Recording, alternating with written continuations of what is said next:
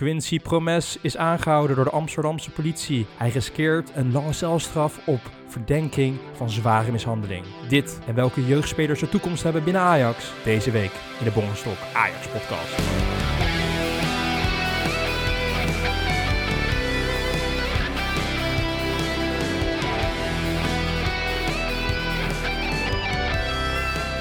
Lieve luisteraars, ik weet niet of jullie al hersteld zijn van de uitschakeling in de Champions League. Maar om uh, jezelf beter te laten voelen, abonneer je even op de Bongenstok Ajax podcast. Waar je ook je podcast uh, luistert.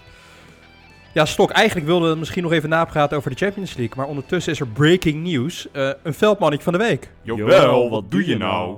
Ja, we beginnen eigenlijk nooit een aflevering met een veldmannetje van de week. Maar uh, ik weet niet hoe jij wakker werd vanmorgen. Maar ik werd wakker met uh, twee pushberichten. Eentje van nu.nl en eentje van Voetbalzone. Dat uh, ja, eigenlijk misschien wel onze beste speler van gisteravond, die is opgepakt door de politie. Ja, bizar. Ik kreeg het van jou te horen. Ik, kreeg hem, ik heb al die pushberichten uitstaan, maar ik, ik dacht eigenlijk dat je een grapje maakte. Quincy Promes, opgepakt door de politie. En ik dacht nog, die is dronken, weet je wel. Die speelde gisteren een goede wedstrijd, openbaar dronkenschap. Maar echt, uh, ja, een hele serieuze zaak toch wel, Stok? Ja, absoluut. Ja, nee, ik dacht inderdaad in eerste instantie ook, zal iets zijn van het een verbreken van de coronamaatregelen. Of inderdaad, ik val een weerwoord tegen een politieagent, zoiets. Maar het is een ontzettend serieuze zaak, Bong. Um, ja, iemand toch zwaar, zwaar verwonden eigenlijk. Ja, geblesseerd? Hoe zeg je dat? Letsel, letsel opgelopen, volgens mij noem je dat, ja. Zwaar letsel, inderdaad. Zwaar letsel uh, uh, gedaan bij, bij een familielid notabene. Ja, dus... Uh, dus inderdaad, ja, voor de luisteraars die het misschien nog niet, niet gehoord of gelezen hebben... Er is een aantijging tegen Quincy Promes dat hij in juni, geloof ik al, of in juli... dat, dat tijdens een, een familiefeestachtig iets in Apkoude zou hij met een mes... Uh, ja, een, een, familielid neergestoken hebben. Of in ieder geval verminkt hebben. En ja, daar heeft de politie onderzoek naar gedaan. En sinds zondagochtend is Quincy Promes inderdaad opgepakt door de Amsterdamse politie. En momenteel zit hij in bewaring voor de komende paar dagen. En het lijkt erop dat dat, dat voorlopig nog wel zo blijft. Ja, als je natuurlijk, luisteraars, dat willen we wel even echt benoemen. Want Stok en ik hebben af en toe wel de neiging om een beetje ja, te lachen over, lachig te doen over bepaalde dingen. Uh, als we het over criminele zaken hebben, moeten we natuurlijk uh, als eerste zeggen dat we gaan uit van het, ons juridische systeem, dat je bent onschuldig tot het tegendeel is bewezen. Dus dat willen we eventjes van tevoren zeggen voordat we hier de diepte in, in gaan duiken. Maar Stok, ja, ik wil er ik, ja, twee stellingen van jou. Um, hoe, hoe kijk je naar deze situatie en... Ja, hoe serieus neem jij het feit dat uh, het is al nu zo lang geleden, bijna een half jaar geleden sinds dit incident heeft plaatsgevonden. Hoe kan het dat iemand dan zo lang daarna pas aangifte doet? Ja, nou, ik heb twee gedachten hierover. En laat ik bij de eerste beginnen inderdaad, van hoe kan het zo lang geduurd hebben? In eerste instantie verwacht je toch dat uh, als er inderdaad zo'n voorgeval, uh, geweest zou zijn, hè, dat, dat er inderdaad een gevecht is geweest, dat, dat ja, mensen met messen elkaar verwond hebben, dat op dat moment toch wel iemand een ambulance zou bellen. Dat er iemand op dat moment de politie zou bellen. En dat het eigenlijk op de avond zelf al wel naar buiten zou zijn gekomen. Of dat er inderdaad wel wat gebeurd zou zijn. Um, dat, zover wij nu weten, met de huidige informatie, blijkt dat niet per se het geval te zijn geweest. En het is pas een maand geleden, dus waar hebben we het over? Dan hebben we het over november. Dat uh, ja, die, die persoon die, die verwond is geraakt, die, uh, die heeft aangifte gedaan. En dat is wel enigszins een, raar verhaal natuurlijk, dat je zo, la, zo lang daarna aangifte doet. Um, en ik ben wel heel erg benieuwd wat voor informatie we daar verder over krijgen, want ja, dat is toch raar, Bong. Ik bedoel, als jij met een mes op mij afkomt, dan ben ik de eerste die de politie belt, hoor. En dan ga ik echt niet een paar maanden wachten. Dus, uh, nee ja, dus, dus dat is wel een raar verhaal. En, en het lijkt dat daar misschien wel eventueel wat, wat meer zit. Maar dat gezegd hebben de Bong, ik denk als je de Amsterdamse politie bent en je, en je gaat hiermee aan de slag, je, daar zit echt wel iemand vrij senior bij, die gaat zeggen, we gaan het wel eerst heel goed uitzoeken voordat wij een speler van Ajax oppakken. Want dit komt natuurlijk in, in het nieuws, dit komt in het 8 uur journaal, dit komt op nu.nl. Je mag dan als Amsterdamse politie geen fout maken, want dan sta je echt een beetje voor lul. Dus ik denk dat zij, de recherches daar, die hebben waarschijnlijk gewoon heel goed hun werk gedaan. En die hebben geconcludeerd dat ja, dit is inderdaad een hele serieuze zaak. En het, ja, het beste moment op dit moment is, uh, of, of het beste wat ze kunnen doen op dit moment is Quincy Promes oppakken. Dus ik vind het een beetje een raar verhaal. Maar ik vrees dat dit toch wel ja, heel serieus is. En dat uh, de Amsterdamse politie duidelijke reden hebben om, uh, om inderdaad Quincy Promes toch wel te verdenken. Inderdaad, je zou niet verwachten dat de Amsterdamse politie over één nacht ijs gaat. Eh, dit is natuurlijk echt een, eh, je weet dat dit nationaal een, een item wordt. Daar moet je gewoon goed over nadenken. En ja, ik ga een beetje speculeren hier, Stok, dus hou me hier vooral niet aan vast. Maar wat ik dus denk, dat zie je heel vaak bij mensen die wat bekender zijn, die vaak in het nieuws zijn. Je weet je van, die hebben geld, al is het de familie zelf. Mensen worden toch een beetje jaloers, denken, ja, ik kan er geld van krijgen. Dat is een beetje wat gebeurd is met Cristiano Ronaldo in die verkrachtingszaak, weet je nog, in, uh, in Amerika. Dat iemand echt een pas heel langer na aangifte had gedaan, die probeerde gewoon uh, geld eruit te krijgen. En uiteindelijk was er ook geschikt en heeft hij hem, Ronaldo volgens mij, uh, die vrouw af, afbetaald. En ja, wat ik dus denk, omdat het een familiekring is gebeurd, tenminste dat is de informatie die wij nu hebben. Het incident zou plaats hebben gevonden tijdens een groot familiefeest. Overigens al in corona, daar heeft Promes dus wel een handje van. Hè. Het is niet de eerste keer dat hij de corona-maatregelen niet, niet respecteert. Maar ik denk dat dat familielid heeft gezegd, nou ja, kijk, dit is natuurlijk heel serieus. Uh, we willen, jij hebt een carrière als voetballer.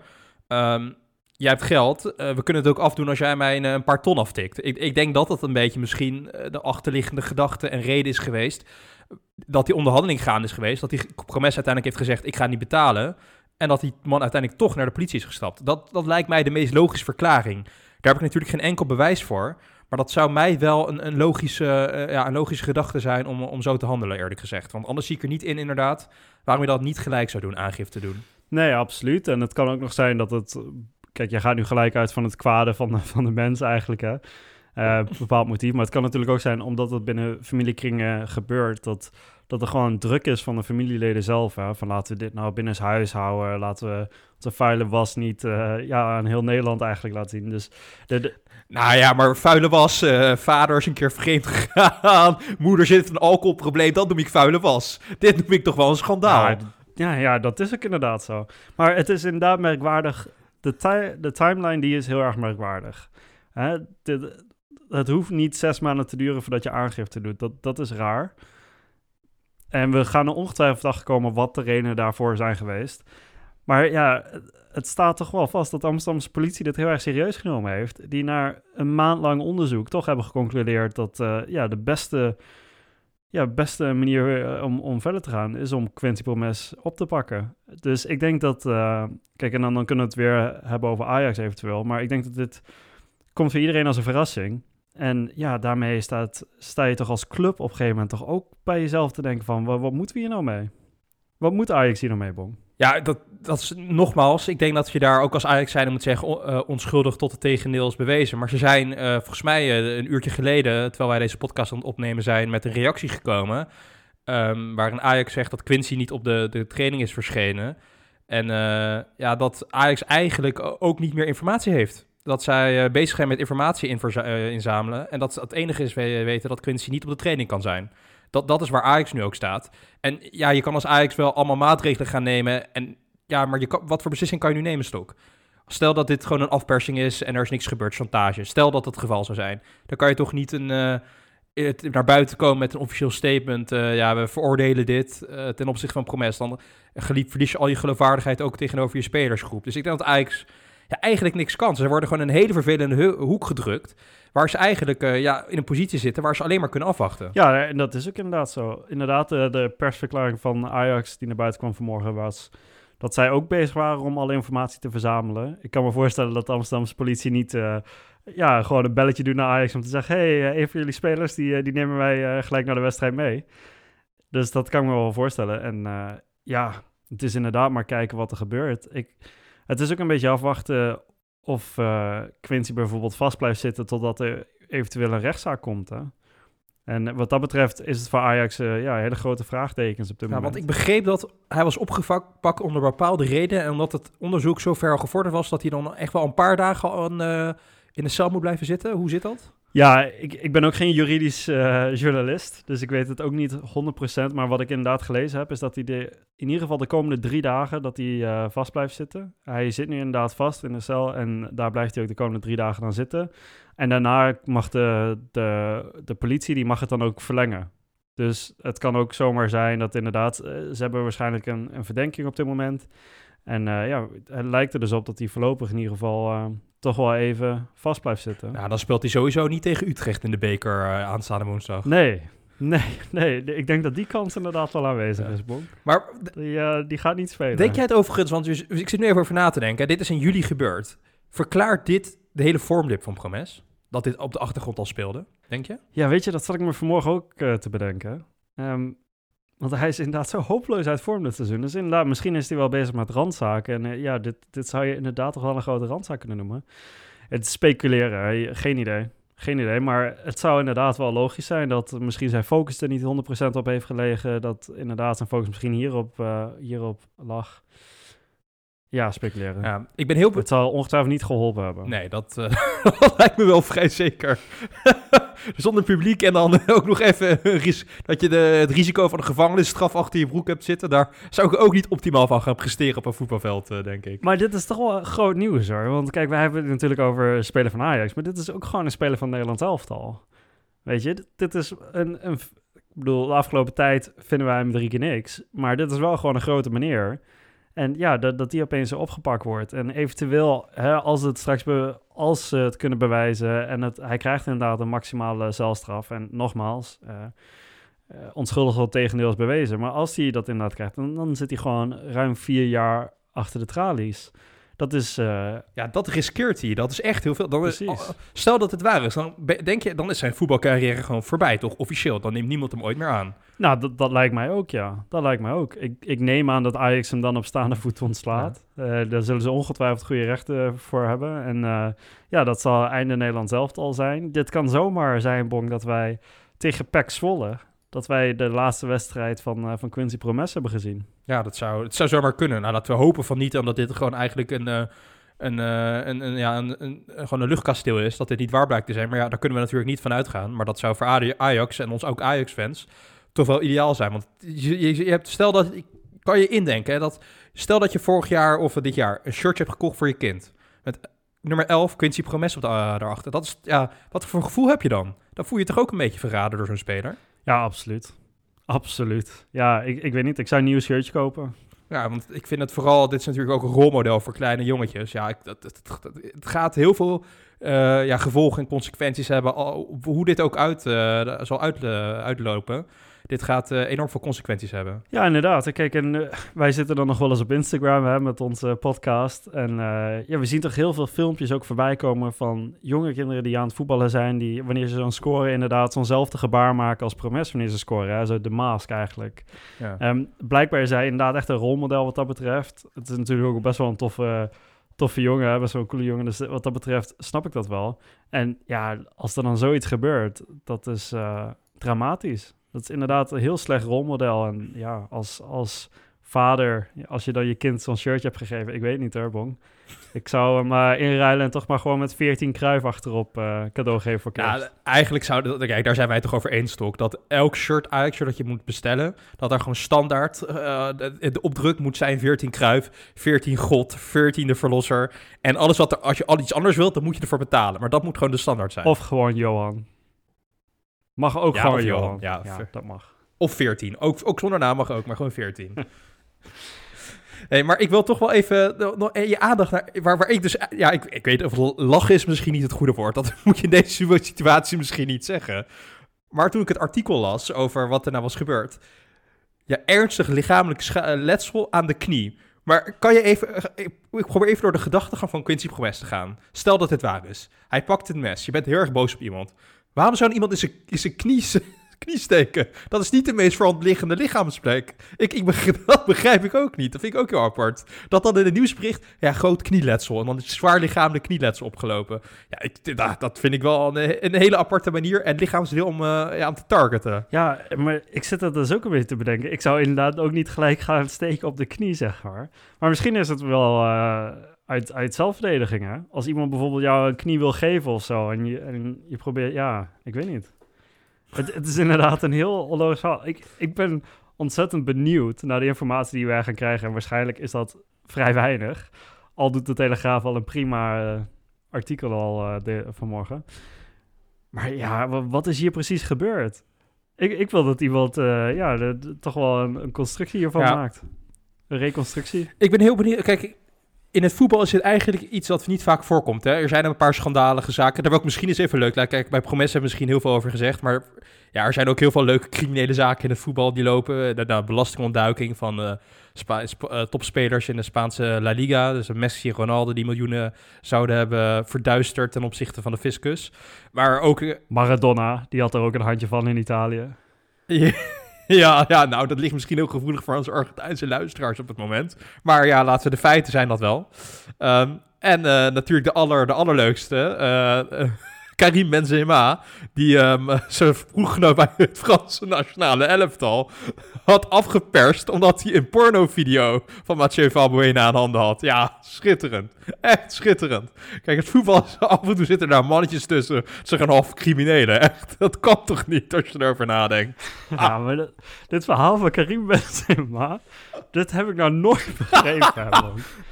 Dat heb ik nog nooit begrepen. Dit is een speler die verdient, wat is het, 10, 15 miljoen per jaar bij Real Madrid. Speelt in de nationale elftal, heeft al die sponsorcontracten.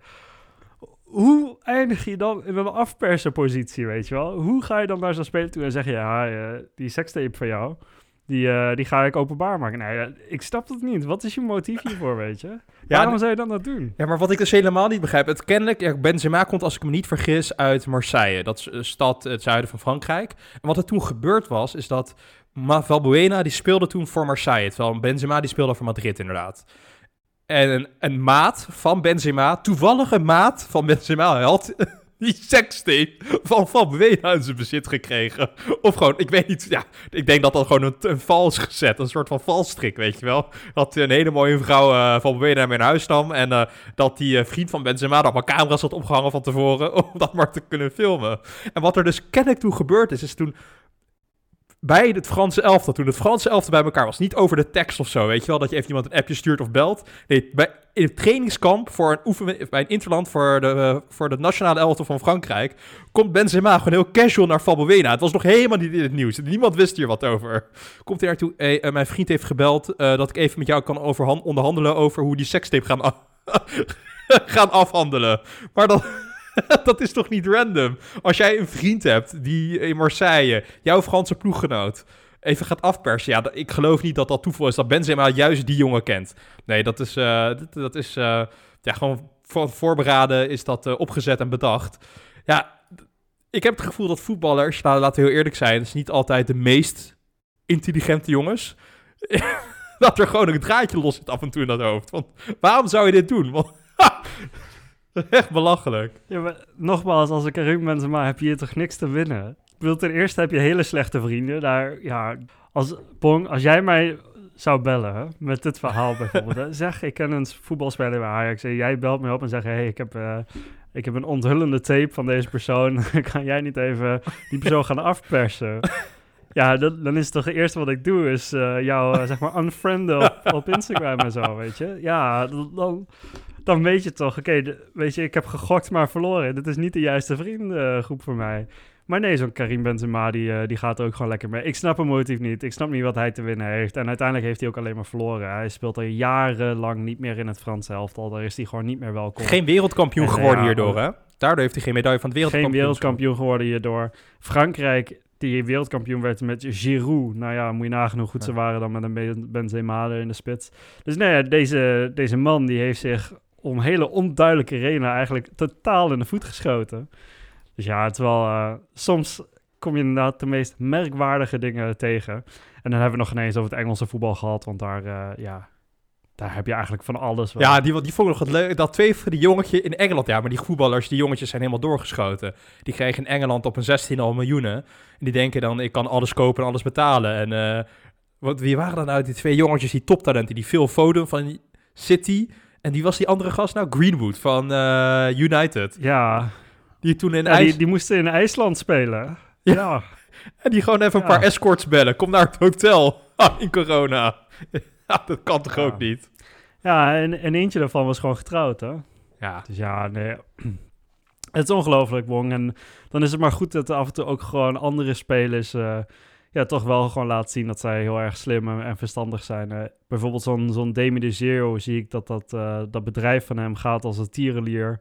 Blijkbaar gewoon echt slimme vent. We hebben natuurlijk Mark Overmars gehad, die na het voetbal eh, zijn imperium opgebouwd heeft. Dus eh, wat dat betreft is voetbal wel een mooie afspiegeling van de samenleving hoor. Je vindt er echt van alles. Dat is waar. Dat is waar. Ehm, over misschien eh, laten we naar een wat minder crimineel onderwerp gaan, Stok. En nogmaals, eh, eh, Quincy Promesse, dus eh, ja, opgepakt, maar onschuldig tot het tegendeel bewezen. Iemand die eh, aan het einde een beetje aan zijn carrière komt, eh, Stok. Eh, dus, eh, hij heeft het bijna officieel aangekondigd. Klaas van Huntelaar. Hoe, eh, hoe kijk jij er tegenaan dat hij eigenlijk heeft gezegd... dit is mijn laatste jaar bij, eh, bij Ajax? Ik zat dat interview te kijken en eh, hij leek mij ontzettend geïrriteerd. Zo kende ik eigenlijk Klaas. Ja, zo ken ik hem wel bij het Nederlands zelf bijvoorbeeld, maar, niet bij Ajax. Maar hij, hij leek een beetje geïrriteerd dat hij de afgelopen tijd vrij weinig minuten had gekregen. En eh, tegen Zwolle natuurlijk 90 minuten gespeeld, een goaltje meegepakt en eh, eigenlijk een prima wedstrijd gespeeld. Maar hij, hij leek geïrriteerd en eh, ja, toen gaf hij het ook aan, hè, van, dat hij er eigenlijk wel klaar mee was. En dat hij er eigenlijk al een maand over aan aan denken was en dat het waarschijnlijk toch wel zijn laatste seizoen was. Hij, hij gaf het heel duidelijk aan dat dit zijn laatste seizoen was en in een later gesprek gaf hij aan dat misschien nog de deur op een kier staat voor zijn oude ploeg, de Graafschap. Ehm, maar we gaan er gewoon vanuit dat, dat dit het laatste seizoen is. Kijk, Huntelaar, eh, wat is die, 37, 37 jaar. Ehm, die passie, die drive, die heeft hij nog altijd. En we moeten denk ik gewoon stilstaan bij wat een geweldenaar dit, dit was. Dit is een speler die gewoon ruim 150 doelpunten in de eredivisie gescoord heeft... terwijl hij eigenlijk zijn hele carrière in het buitenland gevoetbald heeft. Dat zegt wel genoeg, hè? Dit was echt ja, een, een, een, unieke spits. Een spits die altijd op goal schiet, die altijd zijn goaltje meepakt... en die het best uit zijn kwaliteiten gehaald heeft. Hè? Want die, die man die kan niet heel goed voetballen, maar die kan heel goed afmaken. En daarmee heeft hij het gewoon gered om naar Real Madrid te gaan. Bij AC Milan gespeeld. Hij is topscorer geworden van Duitsland op een gegeven moment. Dit is echt een fenomeen, eh, Bong. Een voorbeeld voor de nieuwe generatie. Een echte prof die alles laat voor het voetbal. Die zich niet laat eh, ja, beïnvloeden door andere mensen. Nee, dit is, eh, we moeten het komende, wat is het, zes maanden... moeten we gewoon genieten van het afscheid van eh Klaas-Jan Huntelaar, de Hunter. En eh, ja, we gunnen hem gewoon nog een laatste kampioenschap. En ik hoop, ik hoop echt dat hij behouden blijft voor onze club. Dat hij een- op een of andere manier... ja, misschien een spitsentrainer of, of een andere capaciteit dat hij gewoon bij Ajax blijft. Want wat mij betreft gewoon een uitstekende speler voor onze club eh, die ons vertegenwoordigt. Absoluut. En eh, laten we niet vergeten, het is gewoon echt een, eh, een echte Ajax-ziet, hè? Ehm, na wilde hij eigenlijk kleden naar Ajax. De enige club waar hij Nederland voor wilde terugkeren was ook Ajax. Ja, dit is, het is gewoon iemand die, ja, die gewoon echt, die echt bij de club hoort, die van de club houdt. En die moet gewoon voor de club ook behouden blijven. Als hij nog een jaartje voor de Graafschap wil spelen, dan gun ik hem dat eh, van harte. Als hij in de keukenkampioen-divisie nog eh, een jaartje wil afbouwen, dat, dat kan prima. Maar ik hoor, je hoort steeds veel signalen dat Huntelaar in het begin, toen hij terugkwam bij Ajax, was hij, ja, laten we heel eerlijk zijn, heeft hij Dolberg de grond ingewerkt. Omdat hij gewoon het zelfvertrouwen van Dolberg helemaal kapot heeft eh, geslagen. Maar hij heeft daarna wel, dit jaar hoor je steeds geluid dat hij met Bobby bezig is, met Traoré, met looplijnen. Hoe ga je nou, positioneer je nou voor de goal? En ja, ik denk dat Traoré daar echt de vruchten van heeft geplukt. Dat hij de goede loopacties nu maakt. En dat hij gewoon eh, ja, leert van Klaas van Huntelaar. En ik heb het gevoel door die kwaliteiten dat hij steeds meer zich beweegt naar het trainersvak. In welke rol dat dan ook mag zijn. Hoofdtrainer, specialistentrainer voor de spits inderdaad. Ik denk dat, eh dat Klaas-Jan daar nog een toekomst voor zich heeft. En ik denk eh, heel eerlijk gezegd dat Overmars wel zo slim is. En Van der Sar ook. Om deze jongen, als hij echt stopt met het profvoetbal... eh, voor de club eh, een rol binnen de club aanbiedt. In welke capaciteit dan ook. Ja, precies. En, en je haalde daar inderdaad wat aan. Hij is ontzettend bezig met de jonge spelers. En dat hoor je eigenlijk in elk interview wel, of in elk filmpje dat Ajax online zet, is hoe hij bezig is met die jonge jongens. Hij mag misschien 37 zijn en voor sommige spelers kan hij misschien zelfs hun vader zijn. Maar eh, hij zit er altijd, zit hij midden in die groep, zit hij mooi te ouwe hoeren met die jongens. Hij betrekt de jongens erbij. En, en daarnaast is hij dus echt een voorbeeld voor ze ook. Hè? Zijn, zijn werkethos, hoe hij ja, hoe professioneel hij zich altijd opstelt. Hij heeft, sinds hij bij Ajax terug was, eigenlijk nooit... Je hebt hem nooit horen klagen dat hij op de bank eh, heeft moeten zitten.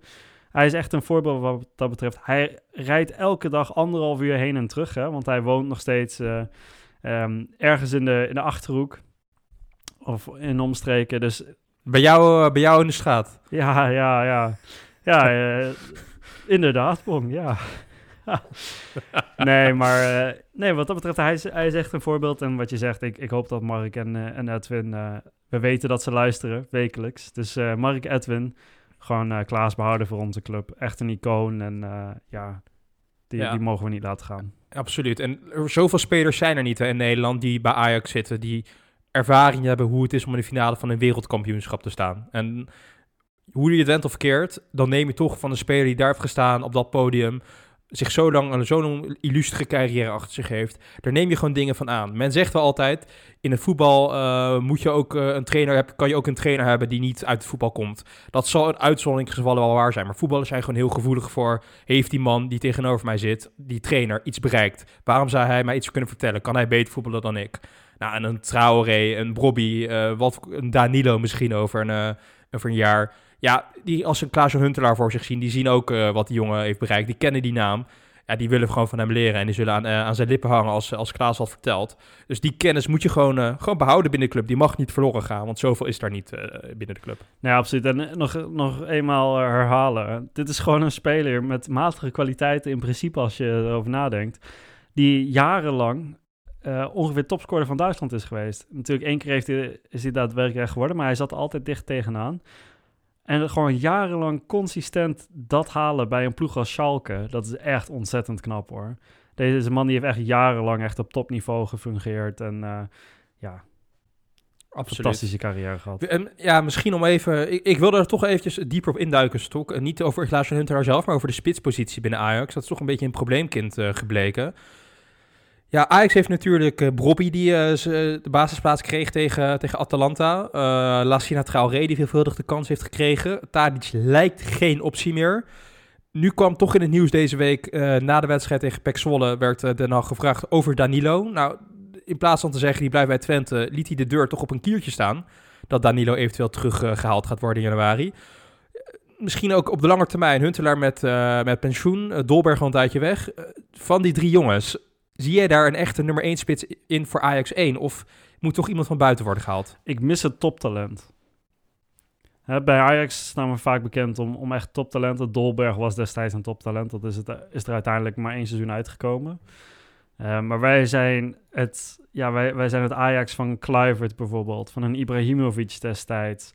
Uh, van Basten. Van Basten, ja, laten we die ook vooral niet vergeten. Nee, wij, wij zijn het Ajax van toptalenten, van echt toptalent ook op de negen positie. En, en eigenlijk hebben we dat al een aantal jaren niet meer. En dan hebben we het over Robbie. Nou goed, die, die, die jongen deed op zich prima tegen Atalanta, zover dat ging. 18 jaar, nog weinig van gezien. En, en dat is echt zo'n talent die, die nog veel stappen moet zetten. Uh, Traoré, die, die zet heel erg grote stappen, vind ik, dit seizoen. Echt een stuk volwassener geworden en, en ik kan steeds beter mee met het Ajax-spel. Maar ja, gaat hij de absolute wereld ophalen? Dat verwacht ik eigenlijk ook niet. En Danilo, die doet het uitstekend bij Twente. Maar ja, Twente is geen Ajax-bom. bij Ajax krijg je, ja, bij Ajax krijg je gewoon minder ruimte om te voetballen. Dat zagen we tegen Atalanta bijvoorbeeld. Ajax krijgt geen, geen ruimte. En dan hebben ze het ontzettend moeilijk. Nou, kan een Danilo dan wel? Tegen PEC nu toevallig, ja, we, we hebben het er eigenlijk niet over, omdat het, een, omdat het eigenlijk gewoon een oefenpotje was. Maar daar kreeg je opeens ruimte. Ja, dan, dan kan Ajax uitstekend voetballen en dan scoren we gewoon een paar keer. We hadden nog veel meer moeten scoren. Maar kan een Danilo dat ook tegen ploegen zoals een Atalanta, wanneer we geen ruimte krijgen? Dat is wel echt wel een grote vraag. En dan een vraag waar ik nog per se nog geen antwoord op heb. Dus ik ben inderdaad wel uh, ja, benieuwd. Ik, ik zie het eigenlijk niet in een van die drie. Tot nu toe. Weet je wat mijn probleem hierbij is? Is dat een echt spitstalent is niet te halen voor Ajax. Als je ziet wat een echte spits, een echt toptalent... Kijk, een Anthony, dat is een buitenspeler... Uh, daar, dat kan Ajax, dan moet ze al echt een groot bedrag, neertellen. En 20 miljoen van Anthony, dat is echt heel erg veel geld voor Ajax. Maar een echte spits, de pure spits, een Felix, laten we het, uh, dat soort types, dat zijn echte talenten. Ja, daar zit een Atletico op zijn 19 al achteraan. En daar, dat is een beetje de categorie waarin Ajax moet gaan zoeken. En dat is niet te vinden, denk ik, voor een prijskaartje dat, uh, dat Ajax ja, in zijn price range valt. Dus ik denk dat Ajax moet het daar echt hebben van de jeugd. En ja, ik ben het wel met je eens hoor. Ik denk dat er is geen enkel van de drie, Robbie, Traoré of Danilo, die het echt heeft laten zien dat hij dit kan. Maar als er één van de drie het zou kunnen, de potentie wel heeft, is het in mijn ogen wel Danilo. Kijk, een Traoré, die maakt stappen, is mijn boy, zal ik altijd blijven verdedigen. Maar die is functioneel tegen bepaalde ploegen. Je hebt gezien als je een bepaalde speelstijl hebt met bepaalde verdedigers, dan is Traoré heel erg waardevol. Maar als je echt een hele goede voetballer nodig hebt in een korte ruimte. Kijk, Danilo is nog niet het toptalent gebleken. Maar ik heb wel echt vlagen bij hem gezien, die techniek die hij heeft. Dat ik denk van wauw, weet je, dat, als je dat nou consistent kan doen. En je kan in dat spel, je kan het nog een niveautje hoger tillen. Dan kan je echt mee bij Ajax. En wat voor mij eigenlijk heel veel vertrouwen geeft wel bij de Danilo, is dat hij opgeroepen is voor het Braziliaanse jeugdelftal. En laten we niet vergeten, als er één land is waar vooral in de aanval de kwaliteit enorm hoog is, is het Brazilië. Op elk land dan ook, op welk niveau. Dus ja, als we het bij Brazilië we ook al zien en hij verspeelt daar gewoon, hij kan daar mee. Ja, waarom zouden we Ajax dan zeggen, uh, we zien het nu al absoluut niet in deze jongen. Ik denk als je het in Brazilië, die jongens uh, zien, uh, deze jongen verdient een kans en kan het eventueel halen dan moeten we bij Ajax die jongen ook een kans gunnen. En met het, een beetje het gebrek aan kwaliteit in die positie, stel ik gewoon voor dat Mark en Edwin ja, Danilo terughalen in de winterstop als die mogelijkheid ja, is. Ja, en daar ben ik het wel volledig mee eens. Laten we hem uh, alsjeblieft terughalen. Ik denk dat hij genoeg speelminuten gaat krijgen. Uh, we hebben natuurlijk veel geblesseerde spelers constant. En we zien het dit seizoen hè, met, uh, met COVID natuurlijk. Dat, ja, hoeveel spelers vallen er wel niet uit met een spierblessure. Maar Neres valt de hele tijd uit. Nou, nu is waarschijnlijk Promesse er in ieder geval een tijdje uit. Um, ja, Anthony die wil er wel eens uitvallen. Dus we hebben in principe aan een extra buitenspeler... Ja, dat kan geen kwaad. Dus laten we hem in ieder geval terughalen. En laten we hem inderdaad maar bewijzen dat hij... Uh, hij doet het prima bij Twente, maar laat hem ook maar eens zien of hij dat bij Ajax kan. Eventueel een, een talent. Maar ja, het is, het is nog niet uh, Erling Haaland of nee, zo. precies. Hè? Dat, dat, daar moet hij nog wel wat stappen voor zetten. Zeker, ja. Die, die had eigenlijk dus ook kunnen halen voordat hij naar Salzburg ging. Nou, over gemiste kans gesproken. Jezus Christus. Ja, nou, lieve luisteraars, zoals jullie weten, ik kijk elke week de Bundesliga. Um, en ik kijk elke week uh, Dortmund. En ik weet niet of je weet, uh, Bong, maar Haaland is al een, uh, al een paar weken geblesseerd. En sinds Haaland geblesseerd is, scoort Dortmund niet. En verliest eigenlijk constant. Ze zijn gisteren even afgedroogd door, door VfB Stuttgart. En ja, zonder Haaland scoren ze niet. Maar die Haaland, die, die loopt ondertussen wel gewoon... Ja, die, die scoort meer dan één doelpunt gemiddeld per wedstrijd. Dat is echt een fenomeen. Hij heeft een heel zwak team om zich heen... die niet kan voetballen, met een coach die er geen zak van kan. Maar deze jongen, die, die scoort van alle hoeken... vanuit alle kanten. Dat is echt de grootste spitsentalent uh, die we op dit moment hebben, hoor. En die hadden wij eventueel ook kunnen hebben. Ja, dat is toch wel zonde. Ja. ja, dat is heel erg zonde. Dat is echt, dat is echt een klasse beter dan Dobberg, deze vent. Hè? Oh, als ik geniet om naar hem te kijken. Die, gewoon het afmaken, het vermogen, de explosiviteit, de looplijnen, de, de geilheid voor de goal. Het doet me echt denken aan zeg maar, de perfecte versie van Huntelaar. Ja, ja, absoluut, absoluut. Want hij heeft de snelheid, hij kan goed voetballen. En een kiezelhard schot heeft hij. En al zijn schoten die gaan altijd op goal. En hij lijkt geen zenuwen te hebben. Wanneer hij inderdaad één op één op de keeper gaat, dan is het vrijwel 100% een goal. Nee, dit is, dit is echt een enorm talent. En we gaan hem van dichtbij meemaken, Bong. Want uh, we hebben het eigenlijk nog niet over gehad. Maar de Nederland elftal heeft natuurlijk de loting gehad voor het WK. En wij zitten bij Noorwegen in de groep. Dus wij gaan van dichtbij uh, zien hoe nou ja, een Haaland dat eventueel doet tegen uh, Van Dijk of tegen een Matthijs de Ligt. Dus nou, dat, dat zijn wel wedstrijden, daar kijk ik wel naar uit, moet ik zeggen. Ja, ik heb deze jongen eigenlijk bijna nooit live aan het werk gezien. Ik zie alleen de hoogtepunten, omdat ik nooit een wedstrijd van hem live zie. Ik volg het niet zoals jij Dortmund religieus. En ook Salzburg ontging wij wel eens een keertje. En ook het Noorse elftal staat niet op mijn lijstje van must-watch wedstrijden. Dus ik zie alleen maar de goals. Nee, maar die, die Noorse ploeg, dat is wel interessant. Hè? Ik bedoel, nogmaals, we hebben het eigenlijk niet over die loting gehad. Het is een positieve loting voor het Nederlands elftal. Dit moet gewoon een groep zijn waar wij, wij ons gaan kwalificeren voor, voor het WK. Absoluut. Maar zo'n Noorwegen, dat is wel echt, echt een outsider. Want ze hebben die, die Eudegaard natuurlijk, die we in Nederland heel goed kennen. En die het in Spanje uitstekend doet daar. En ze hebben een Haaland. Nou, de rest is natuurlijk keukenkampioen-divisie, zoals het altijd in Noorwegen is eigenlijk. Maar ja, dat zijn toch wel twee spelers die eventueel het team kunnen dragen. Dus ik, ik kijk wel uit naar die wedstrijd eigenlijk. Absoluut, want ik vind dat wel echt twee spelers van de buitencategorie. Hè? Eudegaard heeft zijn ups en downs gehad, maar is nu gewoon, uh, ja, speelt gewoon echt geregeld bij Madrid. Uh, Haaland maakt verschil in de Europese topcompetitie en ook in de Champions League. Ja, dat, dat gaat Ajax, kijk, wat, wat, sorry, Ajax, het Nederlands elftal, nog lastig mee krijgen. Want uh, als er één ding is wat Nederland zelf nog niet heeft, zijn het die toptalenten op de nummer 10 positie en uh, op, uh, Zo is niet helemaal maar waar met Iataren, maar die speelt nu niet. En in de spits, uh, in de aanval, heeft het Nederlands elftal natuurlijk ja, een beetje gebrek aan kwaliteit. Uh, hoe goed de paai ook is voor het Nederlands elftal. Dus ik ben ook heel erg benieuwd om die jongens een keer live te zien. En dan ga ik eigenlijk dromen van als Nederland Noorwegen zou annexeren, hoe ons elftal er dan uit zou zien, toch? Inderdaad nou, nou we toch op het onderwerp zitten, Bong, misschien heel verkort uh, toch even kijken naar die groep van Nederland elftal. Dit was totaal niet onze planning van de aflevering, maar ach, hè, zo moet je af en toe iets spontaans hebben in zo'n podcast. Wij zitten inderdaad nog in een groep met, met uh, Turkije ook. Dat is, uh, dat is toch ook wel een tegenstander van formaat normaal gesproken. Denk jij dat Nederland toch wel gewoon een goede kans maakt of niet?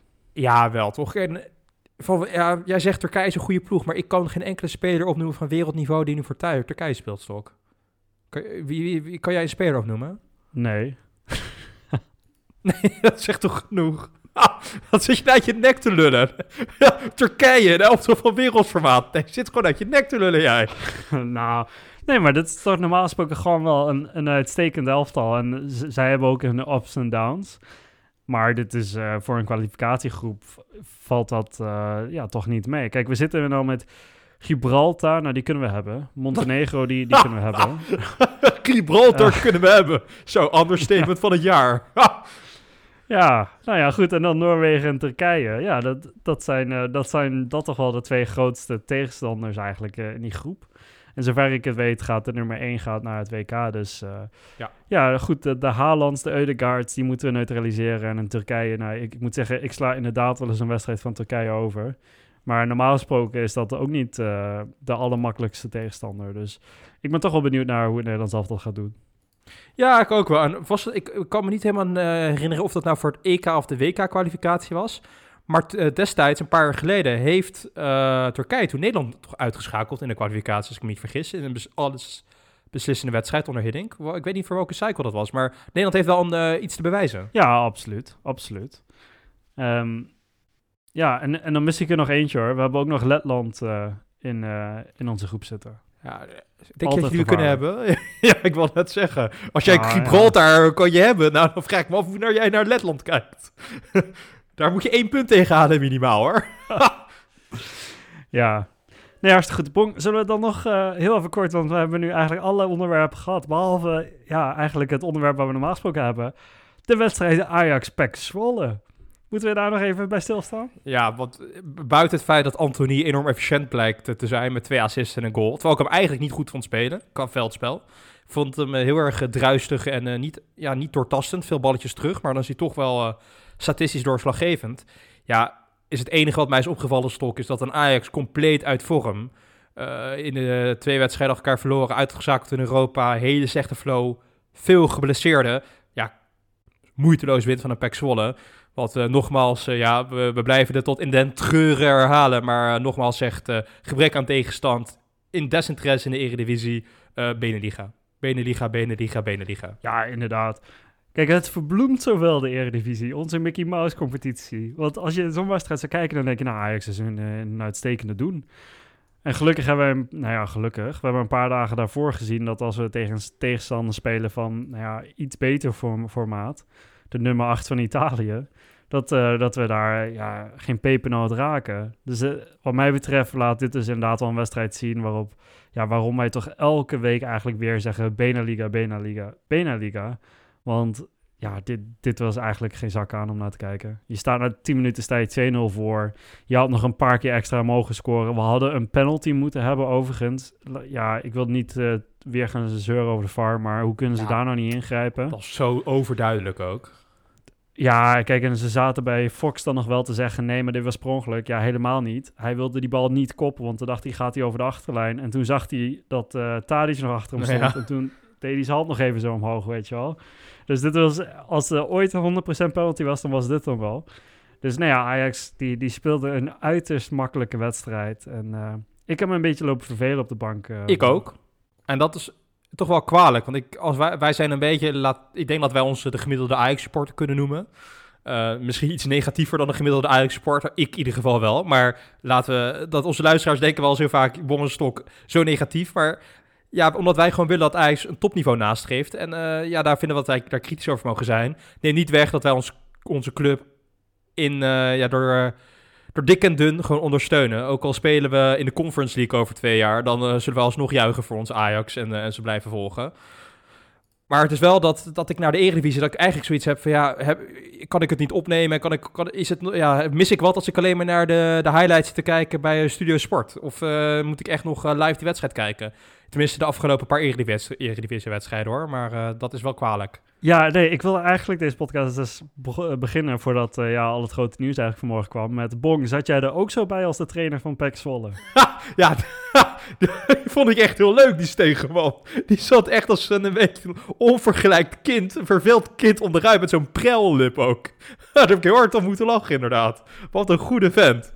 Ja, echt zo onderuit gezakt, zaggerijnig na 10 minuten. Nee, maar ik kan me wel voorstellen, weet je. Echt, je kijkt eigenlijk zo'n heel jaar kijk je uit naar een wedstrijd tegen Ajax. Hè? Je speelt in een arena. Hij mag dan leeg zijn, maar het is een- toch wel een indrukwekkend stadion natuurlijk.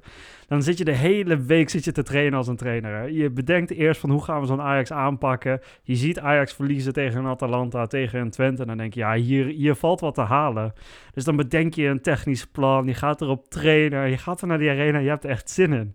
En dan sta je na 10 minuten hopeloos met 2-0 achter. Ja, dan ga je er zo bij zitten. Ik had wel met die vent te doen hoor, eerlijk gezegd. Ja, maar dat is het een beetje. Ik krijg eigenlijk al wat medelijden met de tegenstanders van Ajax in de, in de Cruijff Arena. Dan zou ik eigenlijk zeggen, ook voor de supporters zelf, zet op het scorebord, voor, als je begint, 0-2 voor de tegenstander. Dan krijg je een leuke wedstrijd. Dan krijg je spanning, want nu weet je dat Ajax gaat winnen, toch? Ja, precies. En eh, bij Fox Sports zat die Lars Veldwijk, zat er, hè? Die, die spits die, die nu eh, in Korea lekker wat geld aan het eh, bij elkaar voetballen is. Maar die gaf aan dat hij zelf ook wel eens in dat soort wedstrijden gespeeld had. En hoe vaak hij dan wel niet naar de klok aan het kijken was. Van wanneer is die wedstrijd nou over? Nou ja, ik moet zeggen, als Ajax-fan zat ik dat ook te doen. Maar eh, ja, nee, ik, ik kan me voorstellen dat als Pax vallen was hier echt helemaal geen zak aan om, om dit te spelen. Daarom moeten we er ook niet te lang bij stilstaan hoor. Dit was wederom een oefenpotje. Dit was wederom geen enkele tegenstand voor, eh, ja, toch wel ja, een C-elftal van Ajax eigenlijk. We hebben allemaal talenten een debuut zien maken. Misschien dat we het daar nog heel kort over kunnen hebben. Maar we hadden zoveel geblesseerde spelers. We zaten op onze vierde keuze op de nummer 10 positie. We hadden op de bank alleen een Martinez en een, en een Alvarez zitten van de normale A-selectie. En alsnog tikken wij een Pek Zwolle volkomen van de mat. Alsof het, eh, ja, ik weet niet, de lokale amateurvereniging is. Nou ja, ja, nou fair enough. De lokale amateurvereniging. Eh, ja, ja, daar heb ik verder niet heel veel aan toe te voegen. Misschien dat we even snel de, inderdaad de spelers kunnen, kunnen doorlopen die ja, eigenlijk een debuut, debuut hebben gemaakt of eh, in de eerste, tweede wedstrijd speelden voor Ajax. Want a- aan het eind van de wedstrijd stond daar gewoon het halfjong Ajax in het, eh, in het elftal. Hè? Ehm, een speler die eh, eigenlijk die wat minder in de, in aandacht is geweest. Kenneth Taylor-Stok. Eh, heb, heb je wat, heb, wat ken jij van die jongen? Wat, eh, wat heb je van hem gezien? Heeft hij een toekomst? Ja, we hebben het eh, een paar maanden geleden hebben we het over gehad, omdat hij zijn contract eh, verlengd had. Hè?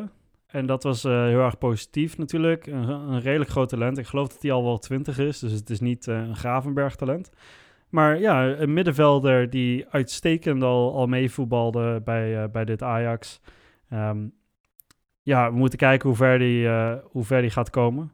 Ik heb hem te weinig gezien bij, bij jong Ajax, maar ik vond hem een uitstekende indruk maken. En eigenlijk alle spelers die wel inviel. Hè. Ik vind Rens de afgelopen paar weken gewoon een prima, uitstekende indruk op mij achterlaten. Eh, misschien nog wat jong om een Tagliafico te, te vervangen als het daar eh, aan toe komt. Maar toch een uitstekende indruk. Brobby die deed het uitstekend natuurlijk in de afgelopen paar wedstrijden. Ja, en zo hebben we wel meer spelers voorbij zien komen. Dus ik, ik moet zeggen, ik ben wel optimistisch gestemd als ik naar, eh, ja, naar dit soort jonge jongens kijk. Die toch wel weer, ja, toch wel weer mooi om dat te zien in, in ons Ajax. De jeugd heeft de toekomstsprong. Ja, het is ook ons DNA. Dus eh, daar moet Ajax gewoon altijd de ruimte voor geven. Al moet ik wel zeggen, ge- bij geen, behalve Rens, waar je echt eh goede verhalen voor hoort, over het talent van het jaar verkozen op de toekomst. Een Taylor, een Broby. Ja, het wordt nou niet beschouwd als de echte toptalenten die het Nederlands elftal gaan halen of die eh, bij, uiteindelijk bij Madrid gaan terechtkomen. De enige met wie ik eh, die, inviel waar ik eigenlijk bijna niks over hoor en die opeens eh, daar gewoon stond, eh Deens Jeugd International, Victor Jensen Stok. Dat kwam voor mij als een volledige verrassing dat deze jongen opeens mocht debuteren. Ik wist ook niet dat hij op de bak zat of bij de selectie. Dan moet ik toch zeggen, ik volg aardig veel voetbalnieuws. Ik ben er aardig aan, aan verslaafd, moet ik zeggen. En nou goed, we hebben dan een podcast waar we dan onderzoek voor doen. Hè? En ik ben deze speler eigenlijk nog nooit tegengekomen. Dus nee, ja, kwam als een totale verrassing voor mij. Blijkt al jaren bij Ajax te spelen, wist ik niet. Ja, maar ik ben deze naam dus tegengekomen toen uh, de, tijdens de vorige Interland Break, toen wij voor Instagram, uh, onze Instagram-volgers, een uh, samenvatting gegeven van welke spelers op Interland duty waren. En toen keek ik nou, onderzoek gedaan en dan Victor Jensen, Denemarken onder 21. van oké, wie is deze jongen? Toen was de eerste keer dat ik die naam hoorde. Maar ja, dat hij bij de selectie zat en dat hij zo dicht kennelijk tegen Ajax 1 zat komt mij ook als een complete verrassing. En laten we eerlijk zijn, deze, dit was zo eventjes het moment om ze te laten ruiken aan de Eredivisie, uh, aan het niveau. Maar uh, ja, dit, in zo'n korte periode met ook een elftal dat half jong Ajax was, kan je natuurlijk heel weinig aflezen uit hun potentie, aan een potentie of ja, wat hun toekomst gaat, gaat inhouden. Dat moet over lange termijn gaan blijken. Dat is ook zo, maar het was wel een mooi contrast. Hè? We begonnen met een elftal, dat was gemiddeld het oudste elftal in jaren. En we eindigden met een elftal dat een van de jongste elftallen was in jaren. Dus het was wel een mooi contrast eigenlijk in die wedstrijd tegen PEC Zwolle. Poëzie.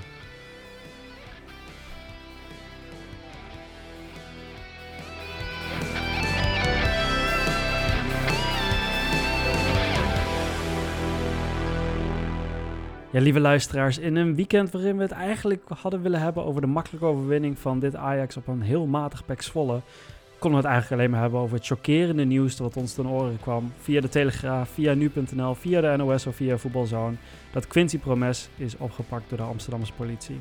Onschuldig tot het tegendeel is bewezen, maar toch vrezen wij dat wij Quincy Promes voorlopig niet zullen zien schitteren in het Ajax-shirt of in de Johan Cruijff Arena.